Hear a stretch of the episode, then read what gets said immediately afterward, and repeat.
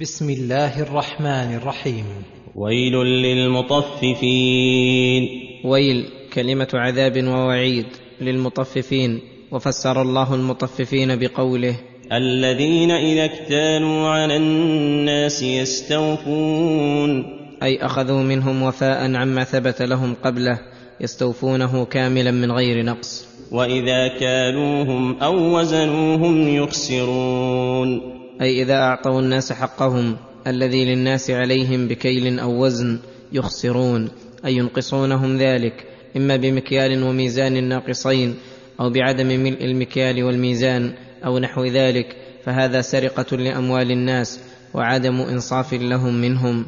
وإذا كان هذا الوعيد على الذين يبخسون الناس بالمكيال والميزان فالذي يأخذ أموالهم قهرا أو سرقة أولى بهذا الوعيد من المطففين ودلت الآية الكريمة على أن الإنسان كما يأخذ من الناس الذي له يجب عليه أن يعطيهم كل ما لهم من الأموال والمعاملات بل يدخل في عموم هذا الحجج والمقالات فإنه كما أن المتناظرين قد جرت العادة أن كل واحد منهما يحرص على ما له من الحجج فيجب عليه أيضا أن يبين ما لخصمه من الحجج التي لا يعلمها وأن ينظر في أدلة خصمه كما ينظر في أدلته هو وفي هذا الموضع يعرف إنصاف الإنسان من تعصبه واعتسافه وتواضعه من كبره وعقله من سفهه. نسأل الله التوفيق لكل خير.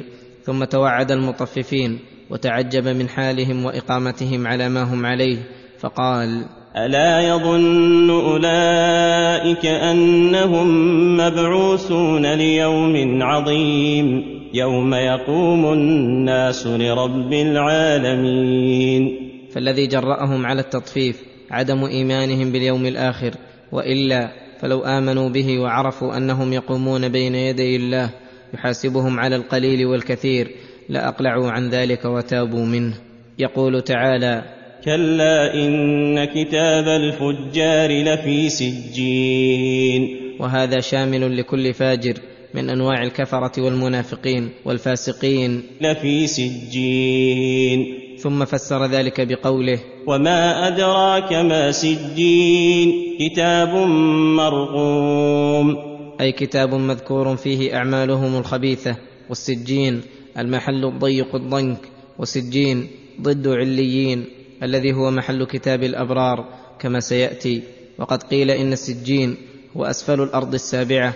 مأوى الفجار ومستقرهم في معادهم.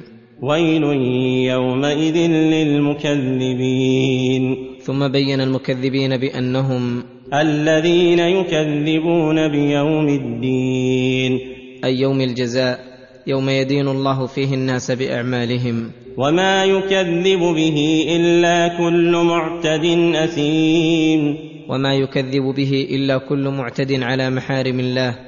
متعد من الحلال إلى الحرام أثيم أي كثير الإثم فهذا الذي يحمله عدوانه على التكذيب ويوجب له كبره رد الحق ولهذا إذا تتلى عليه آياتنا قال أساطير الأولين. إذا تتلى عليه آياتنا الدالة على الحق وعلى صدق ما جاءت به رسله كذبها وعاندها. قال أساطير الأولين. أي من ترهات المتقدمين وأخبار الأمم الغابرين ليس من عند الله تكبرا وعنادا. كلا بران على قلوبهم ما كانوا يكسبون. كلا إنهم عن ربهم يومئذ لمحجوبون. وأما من أنصف وكان مقصوده الحق المبين فإنه لا يكذب بيوم الدين لأن الله قد أقام عليه من الأدلة القاطعة. والبراهين الساطعة ما يجعله حق اليقين وصار لقلوبهم مثل الشمس للأبصار بخلاف من ران على قلبه كسبه وغطته معاصيه فإنه محجوب عن الحق ولهذا جوزي على ذلك بأن حجب عن الله كما حجب قلبه في الدنيا عن آيات الله. ثم إنهم لصال الجحيم. ثم إنهم مع هذه العقوبة البليغة لصال الجحيم. ثم يقال لهم توبيخا وتقريعا. ثم يقال هذا الذي كنتم به تكذبون. فذكر لهم ثلاثة أنواع من العذاب عذاب الجحيم وعذاب التوبيخ واللوم وعذاب الحجاب من رب العالمين المتضمنه لسخطه وغضبه عليهم وهو أعظم عليهم من عذاب النار. ودل مفهوم الآية على أن المؤمنين يرون ربهم يوم القيامة وفي الجنة ويتلذذون بالنظر إليه أعظم من سائر اللذات ويبتهجون بخطابه ويفرحون بقربه كما ذكر الله ذلك في عدة آيات من القرآن. وتواتر فيه النقل عن رسول الله. وفي هذه الآيات التحذير من الذنوب فإنها ترين على القلب وتغطيه شيئا فشيئا حتى ينطمس نوره وتموت بصيرته فتنقلب عليه الحقائق فيرى الباطل حقا والحق باطلا وهذا من بعض عقوبات الذنوب. كلا إن كتاب الأبرار لفي عليين وما أدراك ما عليون. كتاب مرقوم يشهده المقربون. لما ذكر أن كتاب الفجار في أسفل الأمكنة وأضيقها ذكر أن كتاب الأبرار في أعلاها وأوسعها وأفسحها وأن كتابهم المرقوم. يشهده المقربون. من الملائكة الكرام وأرواح الأنبياء والصديقين والشهداء وينوه الله بذكرهم في الملأ الأعلى. وعليون اسم لأعلى الجنة.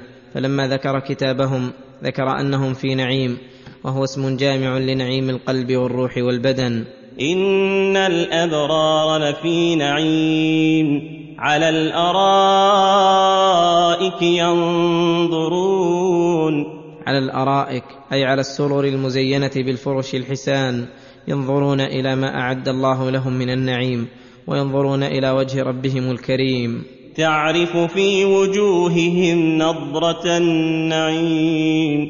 تعرف أيها الناظر إليهم. في وجوههم نضرة النعيم. اي بهاء النعيم ونضارته ورونقه فإن توالي اللذة والسرور يكسب الوجه نورا وحسنا وبهجة. يسقون من رحيق مختوم. يسقون من رحيق وهو من أطيب ما يكون من الأشربة وألذها. مختوم ذلك الشراب. ختامه مسك وفي ذلك فليتنافس المتنافسون. ختامه مسك يحتمل أن المراد مختوم عن أن يداخله شيء ينقص لذته أو يفسد طعمه وذلك الختام الذي ختم به مسك. ويحتمل أن المراد أنه الذي يكون في آخر الإناء الذي يشربون منه الرحيق حثالة وهي المسك الأذفر. فهذا الكدر منه الذي جرت العادة في الدنيا أنه يراق يكون في الجنة بهذه المثابة. وفي ذلك فليتنافس المتنافسون. وفي ذلك النعيم المقيم. الذي لا يعلم مقداره وحسنه إلا الله. فليتنافس المتنافسون. أن يتسابقوا في المبادرة إليه والأعمال الموصلة إليه. فهذا أولى ما بذلت فيه نفائس الأنفاس وأحرى ما تزاحمت للوصول إليه فحول الرجال. ومزاجه من تسنيم عينا يشرب بها المقربون. ومزاج هذا الشراب من تسنيم وهي عين يشرب بها المقربون. يشرب بها المقربون صرفا وهي أعلى أشربة الجنة على الإطلاق. فلذلك كانت خالصة للمقربين الذين هم أعلى الخلق منزلة وممزوجة لأصحاب اليمين أي مخلوطة بالرحيق وغيره من الأشربة اللذيذة. إن الذين أجرموا كانوا من الذين آمنوا يضحكون وإذا مروا بهم يتغامزون لما ذكر تعالى جزاء المجرمين وجزاء المؤمنين وذكر ما بينهما من التفاوت العظيم أخبر أن المجرمين كانوا في الدنيا يسخرون بالمؤمنين ويستهزئون بهم ويضحكون منهم ويتغامزون بهم عند مرورهم عليهم احتقارا لهم وازدراء. ومع هذا تراهم مطمئنين لا يخطر الخوف على بالهم. وإذا انقلبوا إلى أهلهم انقلبوا فكهين. وإذا رأوهم قالوا إن هؤلاء لضالون.